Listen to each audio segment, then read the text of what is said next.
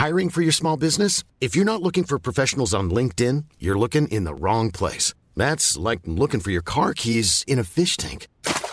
LinkedIn helps you hire professionals you can't find anywhere else, even those who aren't actively searching for a new job but might be open to the perfect role. In a given month, over 70% of LinkedIn users don't even visit other leading job sites. So start looking in the right place. With LinkedIn, you can hire professionals like a professional. Post your free job on linkedin.com slash people today.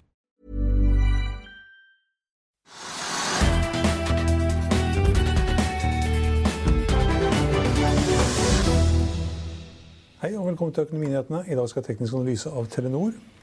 Men vi begynner på Oslo Børs, Trygve. Og etter en litt sånn lei dag i går, så ser det litt bedre ut enn i dag. Ja, det var jo en ganske lei dag i går. da, for at Når hovedindeksen faller 2% så merkes det. Eh, og det er ikke bra. Eh, så går det litt opp og ned, for det er usikkerhet, og det er oljepris, og det er mye rart. Så Det er usikkerhet om koronakrisen, og det er veldig mye usikkerhet. Og nye støttepakker her og der, og hva betyr det? Så, så markedene er usikre. Og så er det da en liten oppgang i dag på en halv prosent. Det er vanskelig å forklare helt hvorfor det er slik. Altså det er fordi det var et kraftig fall i går, og så er det en korreksjon etterpå. Så markedet tar seg litt opp igjen.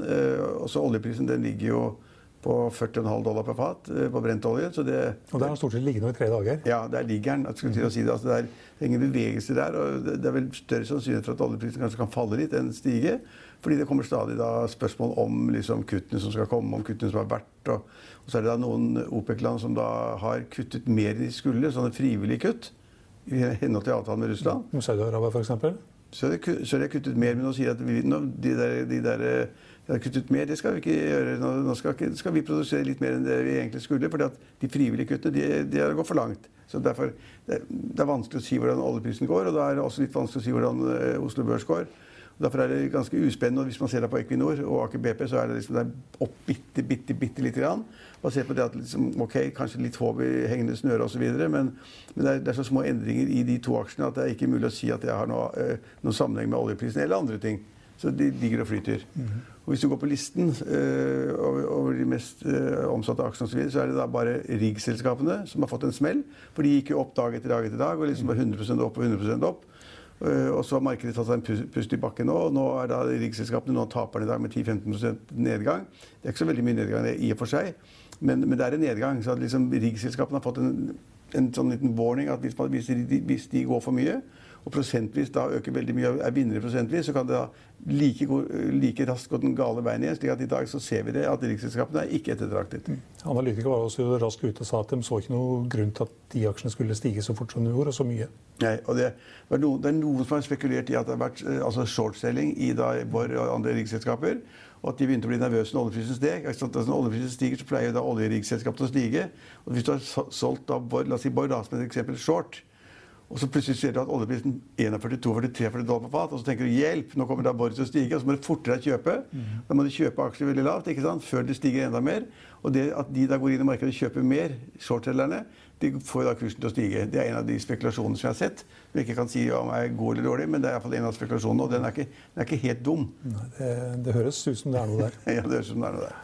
Nell er i ny all time high. Stiger 9 Mest omsatt på Oslo Børs i dag. Ja, og du, du har jo tallet, men altså, hvis jeg husker rett, så har jo da Nell vært mer enn 100 opp siden mars. Siden mars. Mm. Og Nell er jo da, så folk forstår det, det er altså da produksjon av hydrogen, distribusjon av hydrogen og lagring av hydrogen. De nye, nye som skal konkurrere da med, med, med altså elbilene. Elkraft skal det være hydrogen istedenfor.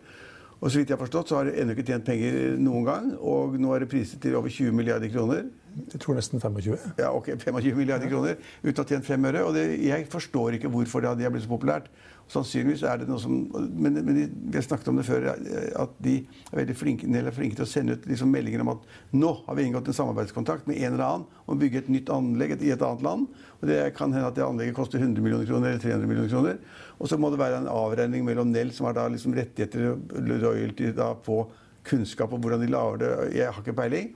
Men i fall så tror da, hver gang det kommer en melding om et ny ordre, så tror da markedet at, tjener, at Nell tjener masse penger på det. Og så er da kursen ok, Hvis den er helt oppe i 25 milliarder kroner, så høres det veldig rart ut for et selskap som da ikke tjener penger, og som da på en måte har gått 100 da på et par måneder. Ja. Det er i hvert fall et eller annet sted mellom 20 og 25. ja, men det er jo utrolig mye penger da, hvis selskapet ikke tjener penger. Altså, man må jo tenke seg da, For å forsvare det så må det jo tjene 2-3 milliarder i året. Det er noe minimum. Ja, Og det gjør de ikke. Og det gjør de ikke. Um, Norwegian må vi også snakke to ord om. Ja, for det er jo da eh, Veldig mange følger med det. og Mange som trader i den, og mange som reiser med Norwegian. Var mer før. Eh, Og der er det slik da det at aksjen har vært en av taperne i dag, ned 10-15% Og det er fordi at det vi har snakket om mange ganger, at det kommer altså en, en ting var emisjonen og konverteringen av gjelden til aksjekapital. Men de trenger mer penger. Pengene renner ut av et lite selskap som har syv fly i luften. De renner ut, og selskapet antyder det selv. Jeg vet ikke om det var i dag eller i går det kom pressemelding om at de ja, det var vel i forbindelse med årsrapporten som ble lagt fram i går. ja, så det en melding om da at liksom de måtte ha mer penger etter hvert. Et par milliarder til neste Ja, år, i hvert fall. Og, ja, og det kunne komme da i form av lån eller ti, på mange måter, forskjellige måter. Men også da var det fintet på, hvis jeg husker helt rett, så var det fintet på det at aksjonærene også da kanskje måtte ut med mer penger. Så mer lån og mer aksjekapital. Og det vil bli en utvanning og da eh, altså en mass massakre på de, dagens aksjonærer. Og på, I løpet av dagen så har da eh, Norwegian vært nede i 3,5 kroner, eller rundt 360 øre. Og så har den da tatt seg litt inn igjen, så den er ned 10% istedenfor 15% men, men det at man nå sier allerede nå, som vi mener de burde sagt for lenge siden, at de kommer til å trenge masse mer penger, for det renner ut. Jeg vet ikke om det renner ut 500 millioner i måneden, eller hva, hvor mye det er. Men også har de, da, har de helt sitt feil på noen drivstoffgreier, så de har tapt 500-600 millioner kroner på drivstoffkontrakter. Så Norwegian er en elendig case. og det er klart at Man kan sitte hjemme og, og, og, leke med den og på en måte trade i den. Og, og, kursen kan gå fra 3,50 til 3,80 eller 4 kroner og 10 øre. Men den burde jo ned mot 10 øre og 0 på basis av det vi hører i dag, for det kommer en ny emisjon nærmere jul. Og da ryker de, de siste resten av egenkapitalen, hvis det er noe igjen, som de gamle aksjonærene har i, når vi da ser på verdien per aksje. Ja, eh, Apropos aksjer, da, så er det 3,1 milliarder aksjer i selskapet nå. Ja. børsnotert, og det verdsetter selskapet til da 12-13 milliarder. Ja. Det er, altså hvis de da skal ha en ny emisjon eller to For å få de emisjonene på plass, så må de jo sette ned Siste emisjon ikke på 1 krone, og kursen var 3,50 kroner og 50 øre. Og skal du da få en emisjon på plass i, på høsten eller oppunder jul, så må du da kanskje ned til 10 øre eller 25 øre eller 15 øre. Sånn, og det, ja. Siden vi snakker om emisjoner og 10 øre Kongsberg Automotive har nå bestemt seg for at man skal gjennomføre en emisjon på 1 milliard til 10 øre. ja, ok. Da kommer det 10 milliarder nye aksjer i selskapet. Ja. I dag er det 448 millioner. ja. Det betyr at verdien per aksje blir vesentlig lavere. Det må bli det. det må bli det. Og man må ta hensyn til den emisjonskursen som er. ikke sant? Så det, det er ikke slik at emisjonskursen er kjempelav, så dagen etter så er kursen mye høyere. Emisjonskursen er det på en måte det nivået de klarer å plassere emisjonen, tror de. Eh, og så vil det bli en tilpasning til den kursen etter hvert. Ja, altså, man skal følge med. Men med Norwegian tror jeg markedet på en måte er klar over at det er en kjempespekulativ case. Det tror jeg de skjønner. Jeg tror også at nå skjønner de som ønsker å spekulere da, i oljerigger og offshoresektoren, at de skjønner at det er en kjempespekk. Og når de ser at de riksselskapene er de som ta, ligger øverst på taperlisten i dag, så skjønner man bildet. Ja, og da, så jeg vet nesten ikke hva, hva, man skal, hva man skal satse på. Ja, det er ikke så lett. Nei, men det er jo litt sånn morsomt, da, siden jeg er inne på rigg. eh, Øystein Strauss Betalen, investoren, han har jo sagt det at eh, alle riggaksjer skal i null. Det sa han på investordagen for et år siden. I fjor. Ja. Og, men likevel så kjøper han aksjer i et riksselskap. Ja, men da er han, jeg kan ikke det selskapet. Ja, jeg har ikke sett det selskapet, jeg kan ikke balansen der. Men han, han har tatt en, sannsynligvis en kjempekort spekk. At eh, det var interesse for riggmarkedet, at han fikk da aksjer billig, sannsynligvis. Kom da inn med noen prosent. Og så ser vi han lynraskt ut igjen hvis, hvis riggmarkedet skulle ta litt. Grann. Det vil jeg tro. Altså, det at, men at han sa for et år siden at riksselskapene ville gå dårlig, det var ganske godt sagt og, sett. For at riksselskapene har gått dårlig, og, det, og, og, og kursen har falt som en sten, og ned 90 eller 95 for de, for de fleste selskapene. Og så men at han da kan trade det innimellom, det gjør han for, for moro skyld. Han kan ikke straffes fordi at han for et år siden var forutseende og si at riggmarkedet vil bli dårlig. Og nå kjøper han da eh, aksjer til en angivelig lav kurs, og så tar han en profit ganske raskt, tipper jeg. Vi var inne på Nelson by all time high. Vi kan også ta med et par aksjer til. Context Vision, som driver med sånn bildeanalyse, et medisinsk-teknisk selskap innenfor også eh, kunstig intelligens. Så har vi Kid på den listen. Kid nå igjen? Kid og Nordic Semiconductor. Men Kid er liksom litt rart selskap, for det er, liksom, det er ikke noe sånn high-tech. Det er liksom da retail-salg av puter og dyner og alt det surret der. Steikje fine gardiner. Ja. Steike fine gardiner, ja. Og det, og det er Gjelsten som kontrollerer det. Han er, han er jo smart og flink, så han har jo solgt aksjer for en kursoppgang. Så selger han, kasserer inn 200-300 millioner, så sitter han fremdeles som majoritetsaksjonær.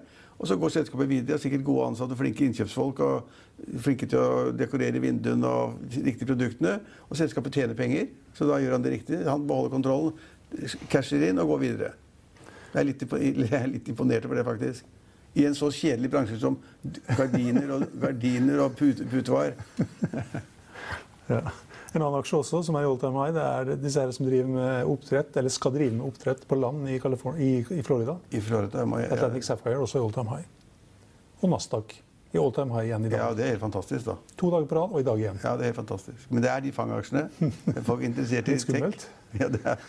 De, de, man, man, kan jo få en smell i de aksjene, men de får ikke en smell i alle samtidig. De får ikke en smell i Apple og Netflix samtidig. Det er ikke sånn det også. Ja, du, du, får ikke, altså, du kan godt få en smell i én av aksjene. På samme måte som man sa at Tesla ville få en smell, og det fikk det også. Da det falt liksom fra 800-900 dollar til uh, 300-400 dollar, sånn, og så er det opp igjen. ikke sant? Så du kan få en smell i én av aksjene, men ikke hele den paletten av fenomenale selskaper med stor inntjening og store, sterke merkenavn. Det får du ikke. Ja, så er det teknologi og fremtid. Ja, det tror, tror man på. High tech. Ja. Baltic Dry, ikke high-tech, men den har nesten dobla seg nå på en måned. Baltic Dry-indeksen. Baltic Dry, ja, det, altså jeg er jo skeptisk til tørrlastmarkedet, men nå har den gått ganske kraftig. da. Så, så at, så at, eh, at tørrlastselskapet til Fredriksen er opp 9-10 i dag. da. Golden Ocean går som ikke gjorde det i dag. Ja, men, eh, Ja, nei, Den var jo nede på Baltic Dry-indeksen, tørrbrukkindeksen, var nede på 393. ja, det er jo Like fantastisk. mai. Og i dag kanskje i- nå er de 760. Ja, men da minner jeg bare om at eh, på midten av 80-tallet, eh, da jeg også hadde noen andre i bulkskip osv., da, da gikk jo den der Baltic Dry til 11 000. Så hvis den er 500, nå er det 400, så er det ganske langt opp til toppen, da. Er det er litt vanskelig å skjønne. Ja, det er vanskelig å forstå, faktisk. Og det var mange da redere som gikk konk på midten av 80-tallet. 86, 87, eller hva det var. Som da ikke hadde noe å gjøre. Hadde kjøpt masse sånne seilerskip i utlandet. Altså, hadde skip kostet 150 millioner. da. Plutselig så var, var, var de en 50. Så jeg hadde tapt ut av balansen 100 millioner kroner på hvert skip. og Mange gikk konk den gangen. Og da sto da tørrlastindeksen i 300-400 eller noe sånt. Da. Og så har det steget til 11 11 000. Så ja. Det er, lang, det er en lang vei å gå. Jeg tror ikke jeg ville spekulert i den type tonnasje. Uh, Hausindeksen har gått en lang vei allerede. Ja, den er din, det er din Jeg spesialitet. skal, jeg skal ta en liten titt på den her. Den var jo i 80, da i eh, rett i årsskiftet. Mm. Det betyr at da var nesten alle investorene på Oslo Børs positive. ja. Optimister. Så falt den til 6, og det var da, da, da man skulle selge, da. Da skulle man selge på 80. Det er lett å si i etterkant, da. Nei, nei, nei, for ifølge boka din tegning, så skulle man solgt da. Mm. Ja.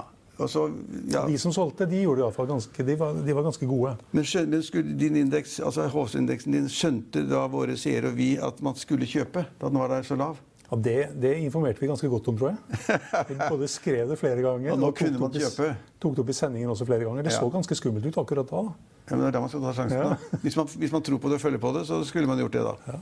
Men nå er den da oppe i over 80. Det vil si at Og så høyt har den ikke vært på det vi kan huske. da skal man ikke kjøpe, da skal man selge. Nei, det er litt skummelt nå, tror jeg.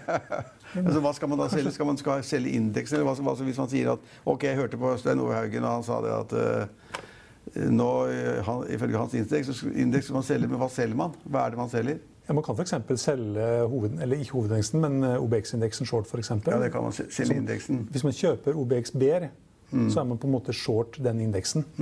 Det er en mulighet. Det kan man gjøre. Mm. Men da må man tro at markedet ramler. Men samtidig så går det Nasdaq til Oldham High i Amerika, og andre Mm. Er litt indekser går opp. Og det er ikke så lett å gå imot den strømmen, altså. Nei, Det er vanskelig å ta med topper.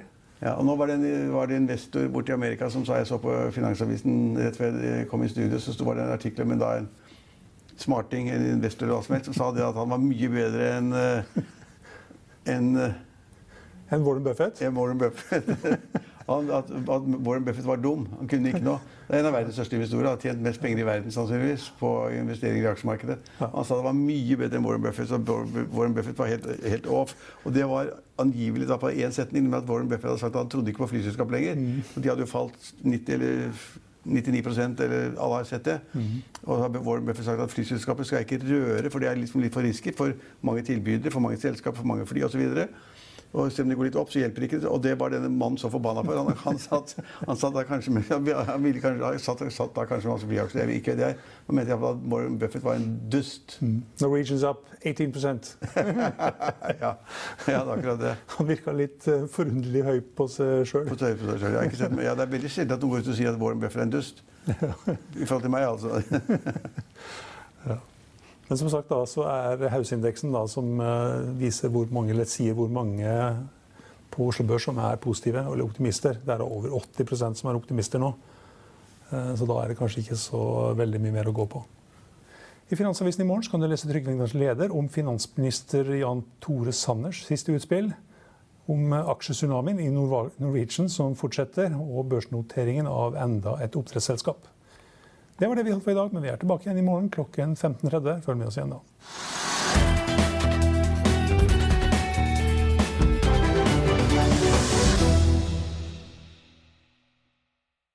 Økonominyhetene er en podkast fra Finansavisen. Programledere er Marius Lorentzen, Stein Ove Haugen og Benedikte Storm Bamvik. Produsenter er Lars Brenden Skram og Bashar Johar. Og ansvarlig redaktør er Trygve Hegnar.